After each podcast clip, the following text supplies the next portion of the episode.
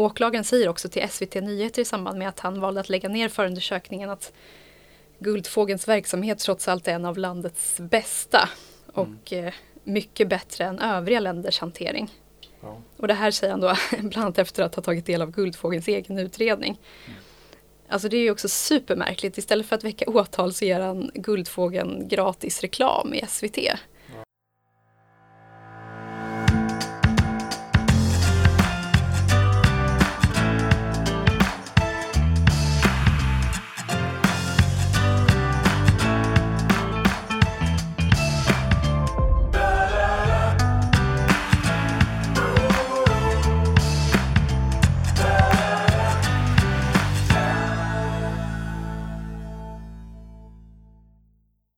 Hej och hjärtligt välkomna ska ni vara till Djurens Rättspodd på Djurens Sida. Idag är vi tillbaka och ska diskutera aktuella händelser i politiken som påverkar djuren. Och det är med mig, Sebastian Wiklund, som arbetar som samhällspolitisk chef på Djurens Rätt och med mig, Anna-Klara Acevedo, politisk sakkunnig på Djurens Rätt. Eh, vi kör den här konstellationen med oss två i podden var fjärde vecka. Och genom att eh, följa oss så får du lite bättre koll på svensk, europeisk och också kommunal djurpolitik.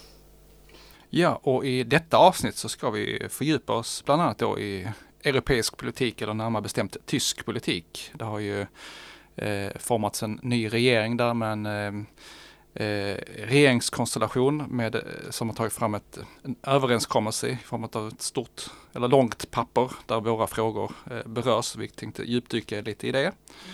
Och vi kommer också prata om propositionen eh, brott mot djur, skärpta straff och mer effektivt sanktionssystem. Precis. Jag tänkte koppla det lite till om vi äntligen kan få se att fler företag som skålar kycklingar levande också kan få någon slags påföljd för det. Ja, vi hoppas på det. Men du får bena ut ja. det där så får vi se var, var det landar. Precis. Men Anna-Klara, hur har din tid varit sen sist? Ja men det har ju varit mycket turbulens i politiken får man väl säga. Det är ju ny, ny regering, ny statsminister eh, och inte minst en ny landsbygdsminister. Landsbygdsministern har ju då också ansvar för djurskyddsfrågorna kan vi nämna. Det är ju Anna-Karin Säterberg, tidigare riksdagsledamot och eh, oppositionsråd i Åre har hon varit. Ja. Eh, har vi någon spaning på vad det kan innebära för djuren? Ja, kanske mest det här med då att Miljöpartiet också har lämnat regeringen. Ehm, jag tänker att det knappast är en hemlighet att Miljöpartiet har varit det parti som vill gå eh, längre i djurskyddsfrågorna än vad Socialdemokraterna har velat. Och kanske kan deras nya roll då i opposition göra att de blir lite spetsigare i sina formuleringar och eh, tar en lite mer aktiv roll i de här frågorna från eh, riksdagshåll då. Inte minst i minkfrågan behövs det ju verkligen. Eh, sen får vi se lite med landsbygdsministern. Hon är ganska oprövad i de här frågorna. Har kanske inte jobbat jättemycket med dem tidigare men vi får hoppas att hon vill göra någonting nu den här tiden som är kvar fram till valet. Ja, verkligen. Ja, men mer opposition från MP då, tänker du? Ja, men precis. Jag hoppas väl att de kliver fram lite nu i de här frågorna. Um, hur har din tid varit? Är det något annat dramatiskt som hänt i politiken Ja men det är en hel del eh, dramatiskt som händer i politik men framförallt här under december som för många är det att eh, man planerar eller avslutar det som, det som ska avslutas innan året och eh, planerar inför vad som ska hända 2022. Men eh, ska vi se, det, är ju, eh, det har ju hänt en hel del hos oss på Djurens Rätt och eh, inom politiken. Inom politiken ska vi kanske nämna ANIT som har lagt fram det, den här kommittén för djurtransporter i EU som har lagt fram sitt förslag. Vi är inte helt nöjda med det men samtidigt är inte eh, slaget är inte över så att säga. Det ska komma Nej. upp i Europaparlamentet eh, i början på nästa år så att vi kommer följa det och kommer säkert ta upp det här på, den, på nytt. Men, men eh, läs gärna på vår hemsida fler saker som har hänt hos oss är det här anmälan till kommissionen som Djurens Rätt har gjort också gällande djurförsöksfrågor. Eh, och eh, vår generalsekreterare har även överklagat eh, minkbeslutet som vi pratade om förra Just podden. Just det, det här med att eh, aveln blir tillåten igen. Yes. Eh, men eh, vi har så mycket att prata om på schemat idag så jag får nog hänvisa lyssnarna till att gå in på vår webb och och läsa mer kring de frågorna ja. där. Absolut. Ska vi börja med att snacka om våra teman då? Ja men det tycker jag. Vi kör igång. Anna-Klara, ska du, du börja? Ja, okej. Okay. Eh, ja men det ligger ju en proposition på riksdagens bord just nu som handlar då om eh, eh, som heter Brott mot djur, skärpta straff och ett mer effektivt sanktionssystem. Eh, proppen hanteras just nu i, i utskott och det blir först till våren som den då troligen kommer upp då till omröstning i riksdagen. Lite kort kan vi ju säga att eh, politikerna har rätt stora förhoppningar inför vad den här lagen nu kan innebära för upprätthållandet av svenskt djurskydd. Eh, särskilt i många av de fall då som har väckt väldigt mycket uppmärksamhet under den senaste tiden. Eh, lagen har liksom hänvisats till flera gånger när det har varit de här skandalerna som kommit upp i samband till exempel med skollade kycklingar och eh, brutna vingar under djurtransporter. Mm. Bland annat så har tidigare landsbygdsminister Jenny Nilsson som hon avgick ju i somras men hon hänvisade mycket till den här nya lagen. Bland annat då i samband med att Aftonbladet uppmärksammade att kycklingar hade skållats levande på Kronfågens slakteri. Eh, även Ibrahim Baylan, eh, Baylan som var eh, inhoppad landsbygdsminister fram till bara någon vecka sedan. Han hänvisade också till den här nya lagen som ett direkt svar från regeringen på de här återkommande skandalerna. Ehm, det var ju en, en, något som uppmärksammas då i Aftonbladet och han svarade då att det här var, det här var liksom regeringens sätt att bemöta de här eh, skandalerna på. Ja. ja, men jag känner igen det där. Det har ju, det har använts flera gånger det senaste året, två åren. Alltså som ett exempel på det är det här som behövs till för att skapa förändringen. Men eh, du har väl tittat närmare på det så att eh, vad tror du, är det som regeringen säger eller menar att det blir slut på skandalerna med tanke på att vi får då den här nya lagen? Eller? Ja men precis, det kan hända att de missar vissa aspekter av det. Jag tänker att vi först kan titta på vad den nya lagen egentligen innebär. Ja. Ehm, först och främst så är det ju att ett nytt brott, ett grovt djurplågeribrott införs i, i brottsbalken. Ehm, brottet ska då omfatta uppsåtliga och grovt oaktsamma gärningar. Eh, och det som ligger till grund för att man ska anse att ett, ett brott är grovt är att det har inneburit allvarligt lidande för djuret eller djuren. Har omfattat ett större antal djur. Eller att det annars har varit särskilt hänsynslöst eller, eller farligt. Eh, straffskalan för djurplågeri idag har ju eh, sträckt sig upp till fängelse högst två år. Men i och med det här förslaget så innebär det att man kan få fängelse då i upp till fyra år om brottet anses som grovt. I propositionen finns också ett förslag om anmälningsplikt. Att kontrollmyndigheterna alltid ska anmäla eh, misstänkta överträdelser av djurskyddslagen till Polismyndigheten eller Åklagarmyndigheten när överträdelserna har lett till djurs lidande. Eh, och så här har det ju liksom egentligen alltid varit. De, Länsstyrelsen och kontrollanterna ska ju anmäla allting men det här är alltså ett förtydligande. Eh, för vi vet också att det har varit så att många faktiskt inte anmäler för de vet också att det är, det är så låg sannolikhet att, att deras anmälningar leder till åtal och leder till att någon fälls. Så att eh, de helt enkelt struntar i att anmäla. Men det här är mm. alltså ett förtydligande då att överträdelser ska anmälas. Mm. Och det är trots allt viktigt ska jag säga. Det mest eh, omdebatterade förslaget i propositionen är den här sanktionsväxlingen som föreslås. Ehm, det innebär att vissa mindre överträdelser, mindre allvarliga överträdelser av djurskyddslagen istället ska hanteras genom avgifter som Länsstyrelsen kan besluta om. Mm. Istället för att polis och åklagarmyndighet behöver kopplas in. Ehm, och det gäller då till exempel om ett, förslag, om, om ett företag saknar vissa tillstånd eller godkännande för viss verksamhet som innefattar djur, till exempel djurtransporter. Det, alltså det man har sett som en fördel med det här är att det skulle underlätta processen och göra att dels avlasta polis och åklagare från vissa av de här fallen då och att göra det lättare att, att döma ut eh, vissa påföljder eh, i samband med att överträdelsen har skett. Mm.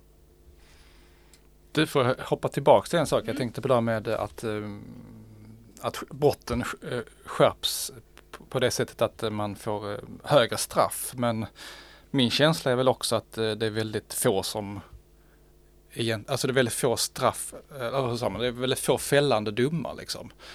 Eh, men det kanske hänger ihop med att eh, brottets karaktär blir mer allvarligt nu och då prioriteras det högre och får också fler domar. Ja, eventuellt. Jag pratade med vår jurist om det där, just det där att egentligen så har de ju åtalsplikt så att säga, att det ska inte påverka så mycket hur, hur hög straffskalan är så att säga. Så egentligen borde inte det i sig leda till att fler eh, att fler eh, domar kommer upp till domstol. Mm. Men vi kommer in på det lite grann.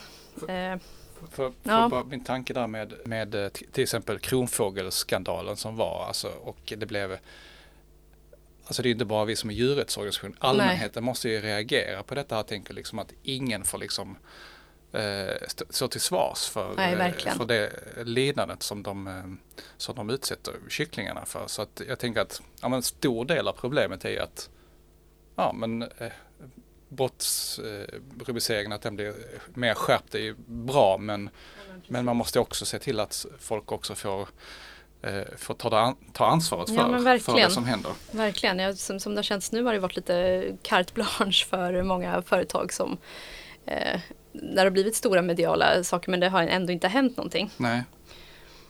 Um, men jag tänkte då om vi skulle kolla lite om det är någon av de här då tre delarna. Det är skärpta straff, anmälningsplikt och sanktionsväxling som kan göra att vi faktiskt får se liksom, att de här um, skållade kycklingarna och så faktiskt leder till åtal till slut. Ja. Um, men det är, det är definitivt inte självklart. Om vi då börjar titta på det här med grovt djurplågeribrott så är det egentligen ingenting nytt här som gör att eh, de som är ansvariga för att skålla kycklingar eh, skulle bli dömda i större utsträckning eftersom att de inte alls blir dömda idag. Det är lite som du är inne på, problemet är inte mm. att de får för låga straff. Problemet är att de överhuvudtaget inte får något straff. Um, och redan idag hade det funnits möjlighet att döma kronfågel och guldfågel för djurplågeri uh, när de skållar kycklingar levande och transporterar kycklingar med brutna vingar och så vidare. Men, men det händer inte. Att straffen blir hårdare uh, om, om brotten bedöms som, som grovt lär alltså inte hjälpa. Nej. Men vad, eh, vad, vad säger du då? Varför uh, har de inte kunnat dömas? Ja men det där är ju verkligen en superintressant fråga eh, som vi har tittat på en del och kommer fortsätta titta på. När kammaråklagare Kjell Jannesson hade fått det här fallet då med skållade kycklingar på Guldfågelns slakteri på sitt bord 2019 så valde han att lägga ner förundersökningen med hänvisning till att hanteringen är accepterad av myndigheter.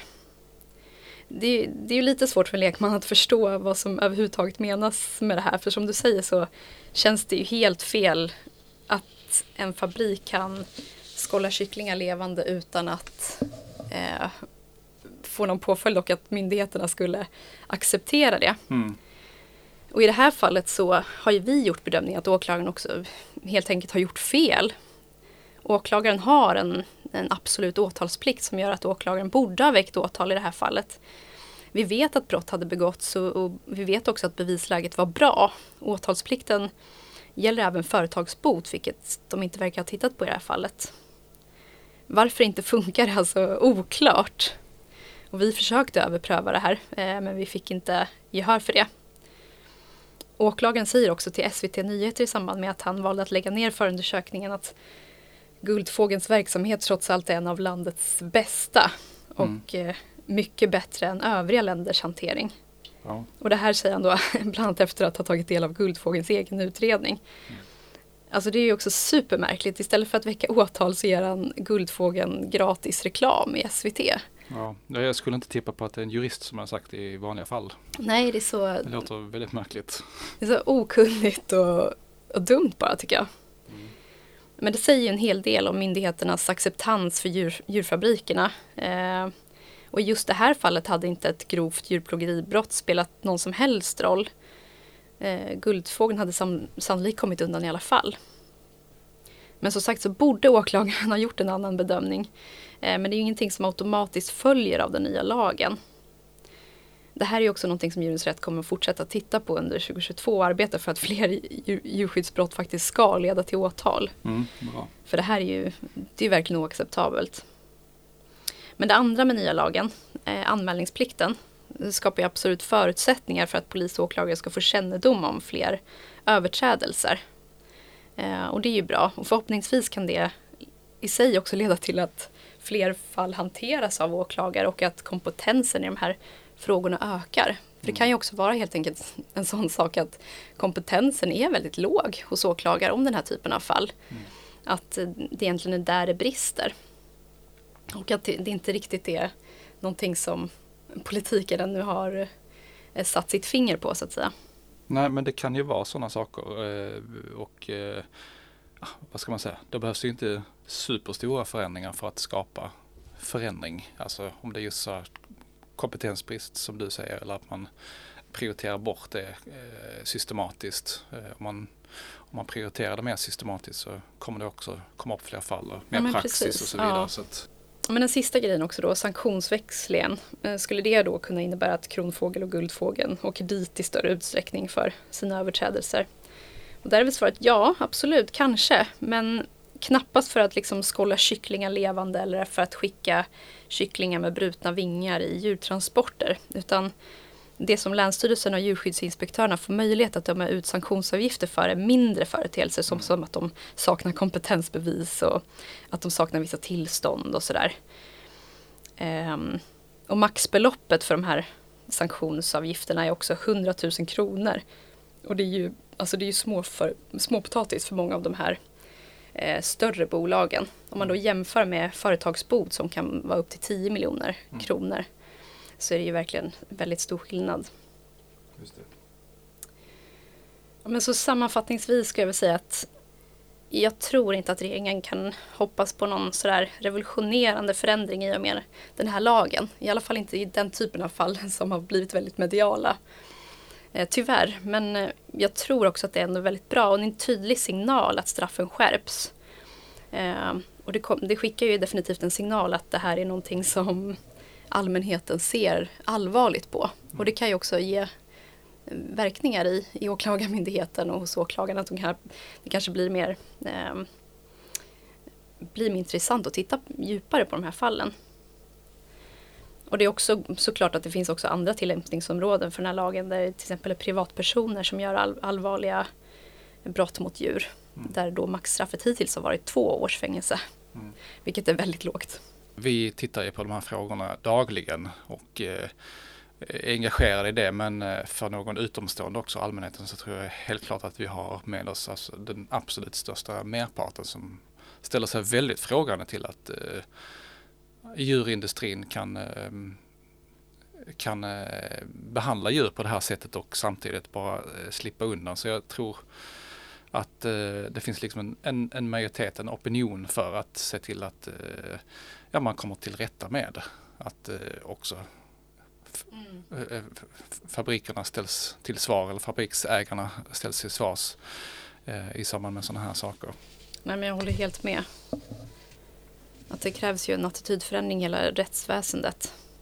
Och att det är just de här systematiska överträdelserna som är de viktiga att komma åt också. Mm. Det är klart att det kan finnas enskilda fall där djur har plågats och så som blir också väldigt uppmärksammade. Men ja. det här systematiska, miljontals djur det handlar om, det är systemfel. Det är det som vi måste eh, fokusera på och som politiken också måste fokusera på ja men de är ju lite bortglömda de djuren medan eh, när det väl händer någonting som får stor medial uppmärksamhet så kan det vara liksom en enskilt eh, djur det handlar om som är naturligtvis oftast väldigt behjärtansvärt men eh, i samband med att det finns liksom miljoner djur som lider på, eh, så, så, så kan man ju tänka sig hur man tänker liksom medierapporteringen och sådär. Men eh, jag förstår och det är också väldigt bra att människor får tjänster för enskilda djur och tycker, eh, tycker det är väldigt bra. Men de här tenderar att glömmas bort så att säga. Ja, verkligen. Och en annan sak som behöver till är ju också att man tittar över de här, det som vi också jobbar med, att faktiskt förbjuda de här slaktmetoderna som i grunden är så problematiska. Ja. Mm. Att, att det händer de här att kycklingar skållas levande ligger också i att de här metoderna är så katastrofala från, i grunden. Mm. Som också är lagliga. Då. Mm. Så, ehm, ja men det ska bli spännande att se nu när den kommer upp till riksdagen. Det är ju trots allt ett brett stöd i riksdagen för att Ja, har vi hört något parti som är emot? Eller alla för? Alltså alla är faktiskt för grund och botten. Det är några som vill göra ändringar. Till exempel Kristdemokraterna tycker att den här då eh, sanktionsavgiften som jag kallade för småpotatis. De tycker att den är för hög och att den ska sänkas. Mm. okej. Ehm, lite sådana grejer. Moderaterna tycker också att den här nya lagen då ska utvärderas inom två år. Det, det tycker jag låter som en bra, ett väldigt Mm. bra förslag. Ehm, då kan man också se lite vad som har, vad den faktiskt har lett till. Precis. Ja, ja, de är också för att utvärdera nya situationstecken djurskyddslagstiftningen. Men eh, eh, så vet vi att de brukar prata om. Ja, Mm. Ja men vad spännande då. Får vi, vi hoppas på att eh, det ändå sker, att vi har fel, att det sker ännu mer förbättringar. ja precis, verkligen.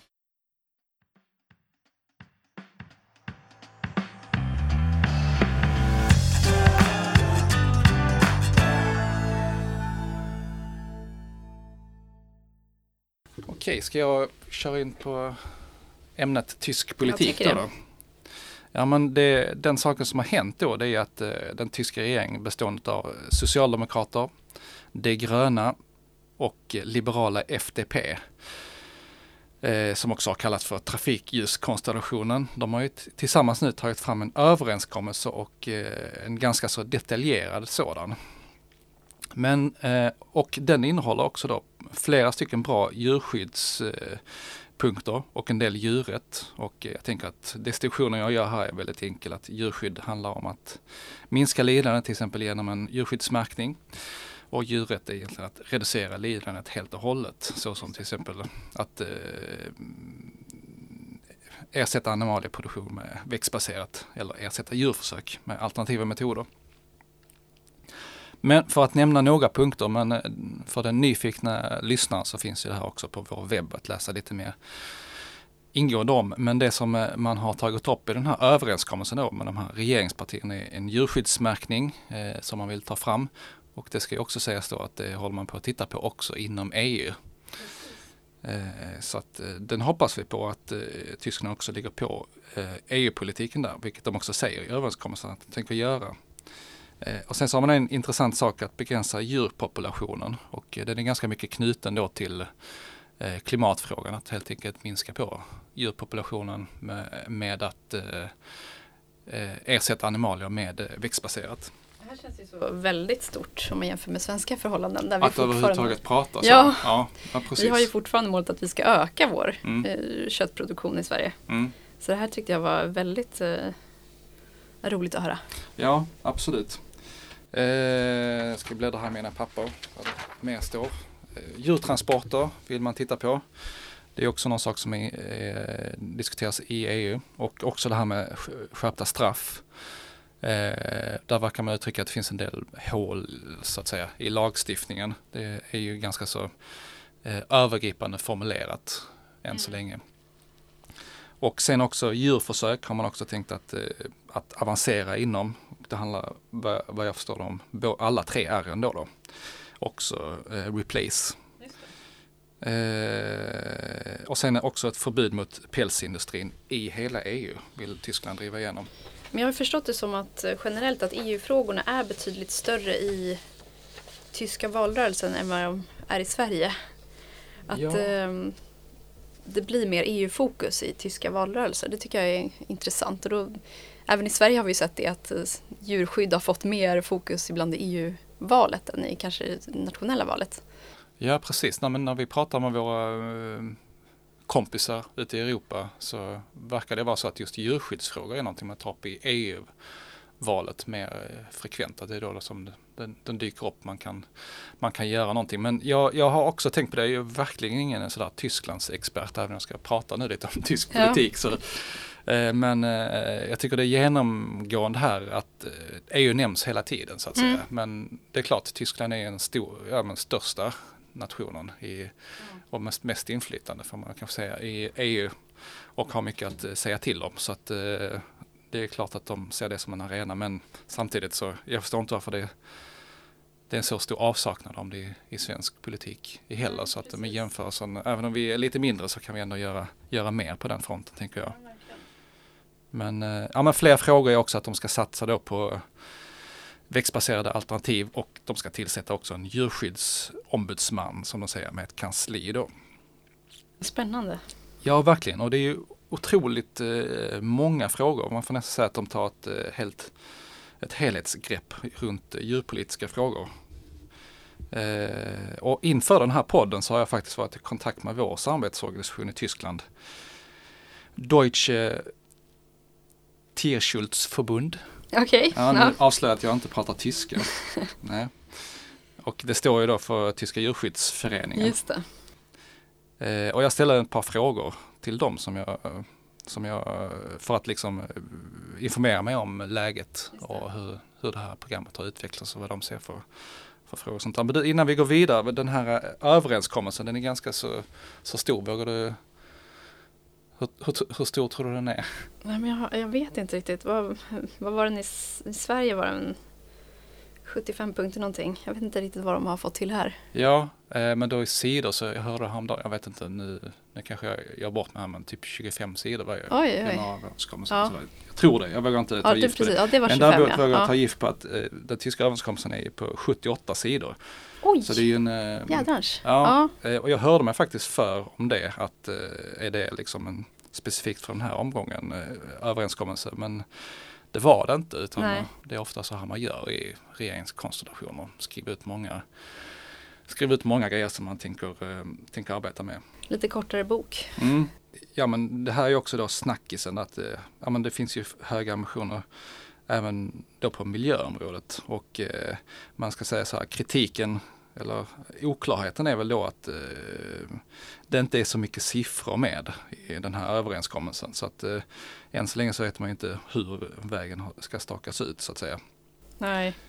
Men eh, det här Deutsche Tierschutzverbund, eh, deras analys, eh, jag hörde mig för om det, de tror ju att det är de gröna då som varit driv, drivande i det här, men även då Socialdemokraterna som har en hel del djurskyddsfrågor med. Mm. Eh, och jag lyssnade faktiskt på eh, Europapodden, Sveriges Radios Europapodden häromdagen och tog upp just den här frågan om de här tre partierna, att de har lyckats mötas i ett, liksom ett sug av förändring. Eller för, förändringsviljan verkar ju vara stark. Eh, så att eh, koalitionsöverenskommelsen innehåller flera stora frågor utöver förbättringar för djur. Som vi inte kommer att ta upp här, men vi, eh, vi håller oss till de sakerna. Jag tycker ändå det är intressant att, att säga det, att det finns eh, ja, men en förändringsvilja verkar det finnas i regeringen och i Tyskland. Ja, verkligen. Det var ju lite något vi saknade kanske i den överenskommelsen som regeringen hade satt ihop. Ja, precis. Eh, jag, tänkte, jag tänkte säga någonting om den, eh, den jordbruksministern som Mm. de har eh, valt också, eller som är tillsatt. Eh, och jag läste om eh, honom i Europatidningen Politico. Och det finns ju en del intressant att säga om det också. Han heter Jem Östemir, Mm. tillhör de gröna. Så de skrev också där real och inte fundi. Och det är ett, eh, två ord som man brukar använda inom eh, miljöpartierna. Realer som han då tillhör är, är att man är mer eh, pragmatiskt lagd får man säga. Och gärna vill ingå i eh, de styrande koal- koalitionerna. Mm. Eh, det som lyfts fram då eh, i den här artikeln är att han är vegetarian. Och eh, ja, det kan man kanske tycka är lite märkligt att man behöver lyfta fram nu för tiden, att det blir en grej. Men så är det. Om tio år kanske vi inte drar på ögonbrynen för en sån sak. Ja, det känns ju som att det hade, hade säkert blivit en grej i Sverige också om Det tror landsbygdsministern jag, hade det tror jag varit på absolut. ytan. Eh, jo men saken är att trots att det, det är flera framåtsyftande förslag så uttrycker sig då Eh, i den här tidningen Politico att ehm, eh, hans regering och, eller, eller regeringen och eh, jordbruksministerns politik välkomnas också av, eh, av jordbrukslobbyn. Och tidigare har det funnits samma konflikter där eh, i Tyskland som också går att skönja i, i Sverige. Eh, det vill säga att lobbyn är starkt kritisk till allt som miljörörelsen och djurrättsrörelsen lägger fram. och eh, ja, man stretar emot förändringar. Ja. Samtidigt så också en intressant sak då som tas upp i den här artikeln är att eh, politiken kanske inte har liksom lagt fram tillräckligt seriösa förslag. För att eh, nu då kombineras löftena om att jordbruket behöver ställa om och ta, ta det, det kombineras då också med att, eh, att eh, politiken också träder fram och eh, gör sitt i, så att säga, i den här transformationen mot ett mer hållbart eh, jordbruk för djur och eh, klimat. Så det, det, som är, det tycker jag är väldigt intressant att det är en ny eh, grej här som vi ser. Dels att lobbyn verkar acceptera förändringar och att regeringen också gör det här verkligen till en politisk fråga och sätter också liksom resurser och politiska muskler bakom för att skapa förändringen. Och eh, det som man lyfter fram då i den här artikeln är att ja, man det skapar en synergi. Så att vi kan inte säga hur det kommer att se ut imorgon men just nu så verkar flera vara förhoppningsfulla för detta här. Men det är intressant att det finns en sån acceptans då för omställningen då eh, mot mindre intensiv djurhållning och så i Tyskland. Det, tycker jag också låter väldigt eh, inspirerande. Ja, ja precis och eh, ja, både det och djurskyddsfrågor också. Mm. Eh, ja, men det är intressant men kanske också så här att eh, om man bara gör eh, djurskyddsfrågor och eh, djurrättsfrågor till en eh, symbolpolitik så, så kanske kanske lantbrukare sånt där tänker att eh, ja, man ska jag ta den ekonomiska eh, smällen för att ställa om och så vidare. Men nu liksom att politiken också träder in och gör det till en politisk fråga. Att eh, ja, men omställning gör vi tillsammans, vi, vi krokar arm här. Precis.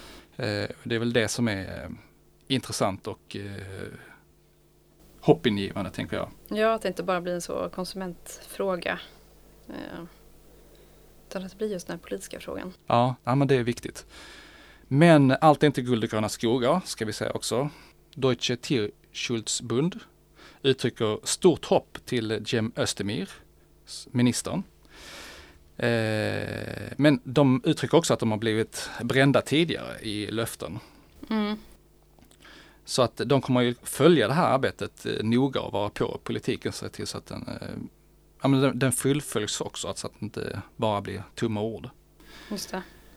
Eh, men som vi var inne på tidigare där, det är att eh, det, det verkar ju finnas en, en, eh, en positiv sak i den här förändringsviljan i Tyskland. Och jag hörde mig också för där med Lea Schmitz som jag pratade med där från Deutsche Tierschutzbund. och undrade om hur opinionen såg ut. Och de, hon bekräftar just det här att det är en växande opinion för djurskydd och behandling utav, av djur. och det har varit en, en snackis också. Och hon eh, nämner då särskilt det här med att många unga, särskilt de som oroar sig för miljö och klimatförändringar, äter mer vegetariskt och veganskt. Särskilt då i större städer är den här utvecklingen mm. synlig. Och det är väl det som jag också hört eh, tidigare eh, i Tyskland, att detta är någonting som verkar gå ihop. Har, vad, vad, tänker du om det? Att, eh, så som jag tolkar det som är det eh, två rörelser lite som går ihop här. Det är dels eh, miljö och klimatrörelsen, dels eh, djurets, djurskyddsrörelsen. Men jag tror definitivt att vi kommer få se det mer i, i Sverige också. Och att vi redan ser det till viss del. Jag tänker liksom att eh, det finns ju, veganismen finns ju där till exempel inom Greta Thunbergs rörelse. Hon är själv vegan och att mm. förespråka veganism också då främst av miljö, miljöskäl. Att de här frågorna bakas ihop också såklart lite synd om det blir det här stad och landfokus. Att vi har ju lite problem med det i Sverige då att det blir stad mot land snarast än att, att uh, vi driver utvecklingen tillsammans framåt. Mm. Um, men uh, jag tror definitivt att Tyskland är något att titta på för hur det kan komma att utvecklas i Sverige. Ja, ja men precis och uh, Tyskland är ett land som inspirerar så att säga ofta i politik och många av de frågorna som har varit där kommer hit senare också så att det är det är ju väl värt att spana mot eh, Tyskland, ibland flera andra länder. Men, men det som du tog upp tidigare också, jag skulle eh, kanske kan säga någonting mer om det, men det är att ja, men det här överenskommelsen också, åtminstone de frågorna som vi har tittat på, så, så genomsyrar, alltså EU är ju närvarande. Och att tysk politik verkar handla mycket om EU. Eh, och att det, min reflektion var som du sa tidigare att eh, Eh, men Sverige verkar inte ha samma ambitioner att påverka Europaagendan. Eh, och att eh, det är såklart så att, att Tyskland är mycket större land och kan påverka EU-politiken men ändå kan man tycka. Och till saken hör ju också det att eh, EU har tagit flera steg för djuren eh, på senare tid eh, som ja, men inte har gjorts eh, någonsin skulle jag vilja säga. Cage age och sådär som vi har pratat mm. om. Eh, så det är en arena som det händer väldigt mycket på, också en arena som kommer att tvinga Sverige att förbättra sitt djurskydd eh, så småningom.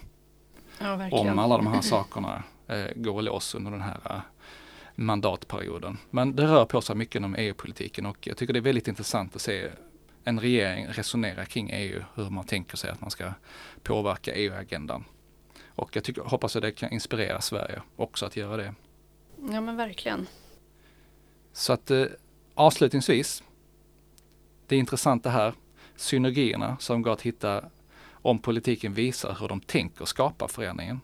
Så att enskilda berörda inte ska liksom halka efter utan kunna få stöd att ställa om till bättre djurvälfärd eller till att vi äter mer växtbaserat.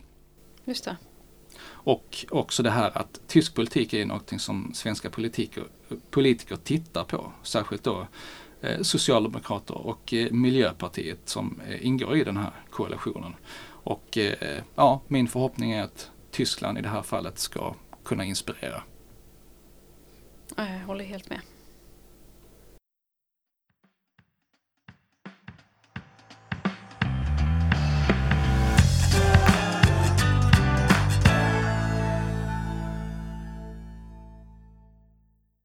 Okej då Anna-Klara, ska vi gå in på en eh, sammanfattning då, då? Vad har du lärt dig av eh, dagens eh, poddavsnitt? Ja, men jag tycker verkligen att det är intressant det här med, med Tyskland och se hur, hur, hur det kan gå framåt med modig politik. Ehm, jag hoppas ju att inte minst Miljöpartiet och Socialdemokraterna i Sverige kan våga mer i de här frågorna. Och apropå det här du tar upp om EU, att vi ibland kanske förhåller oss lite väl passiva till EU, så tror jag också att Alltså i de fall då vi också har kommit längre i djurskyddsfrågor så påverkar vi EU redan väldigt mycket genom att sätta ett exempel för hur man kan göra och tänka annorlunda. Mm. Och att det där är så himla viktigt att vi hela tiden fortsätter pusha de här gränserna. Mm. Eh, men nu har det, som du också var inne på, blivit lite att vi, vi har blivit lite passiva och fler länder springer om. Mm. Så jag, ja, jag undrar lite varför vi i Sverige är lite rädda, har blivit lite rädda för att ta tag i de här frågorna. Att vi kanske har fastnat lite i någon sån här ja, skev uppfattning om en konflikt som kanske till delvis inte, inte har med det här att göra, det här med stad och land och så. Att det liksom, vi, vi har lite fastnat i det träsket tror jag. Ja. Tyvärr. Om det är en del frågor där får väl återkomma ja, till det jag tror det. Om ja. Både EU-politik och eh, stad och land. Stad och land skriver väl är någonting som kanske diskuteras mycket inför valet också. Ja, men jag tror så, det. Också, så vi, ja. vi återkommer. Jag får ställa samma fråga till dig då också. Vad, vad tar du med dig? Ja men det är ju det här att eh, med skärpta straff att det är ju en väldigt eh, positiv sak eh, och att det är ett steg framåt men samtidigt också, ja men jag delar din oro att vi känner att, men oro för att det här inte ska räcka, att vi kommer fortsätta se de här eh, skandalerna som är ja, men systemfel inom eh, djurindustrin. Men naturligtvis så hoppas vi att vi har fel i detta här och att eh, lagstiftning är det som, som får det till att förändras. Så vi, vi lever på hoppet. Ja, och det är ju, oavsett så är det såklart positivt att någonting händer i de här frågorna. Ja, absolut. Um, jag tänkte också att vi ska passa på att tipsa om vår, eh, vårt politiska nyhetsbrev om du är intresserad av politik så får du jättegärna prenumerera på vårt politiska nyhetsbrev där vi håller dig uppdaterad om aktuella händelser i politiken. Du kan klicka dig in till djurensrätt.se aktuell i politiken. Vi lägger in en länk också i poddavsnittet i informationsbeskrivningen. Ja, och eh, Gillar du det vi gör och vill hjälpa oss extra så finns det ju flera sätt att göra det på. Men ett sätt att göra det på är att bli gåvogivare. Det kan du bli på djurensrätt.se medlem och länk lägger vi i poddbeskrivningen. Precis.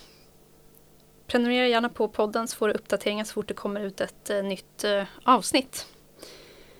Vi, jag och Sebastian, vi eh, är tillbaka igen precis efter nyår blir det nog. Precis, ja vi har det satsar på de här fyra veckorna då. Ja, Men det blir precis efter nyår. precis. Men eh, ska vi önska god jul och gott nytt Ja. år och fina helger till alla våra lyssnare då då. Ja, men det tycker jag. Ni får ha det så bra. Fint. Hej då! Hej då!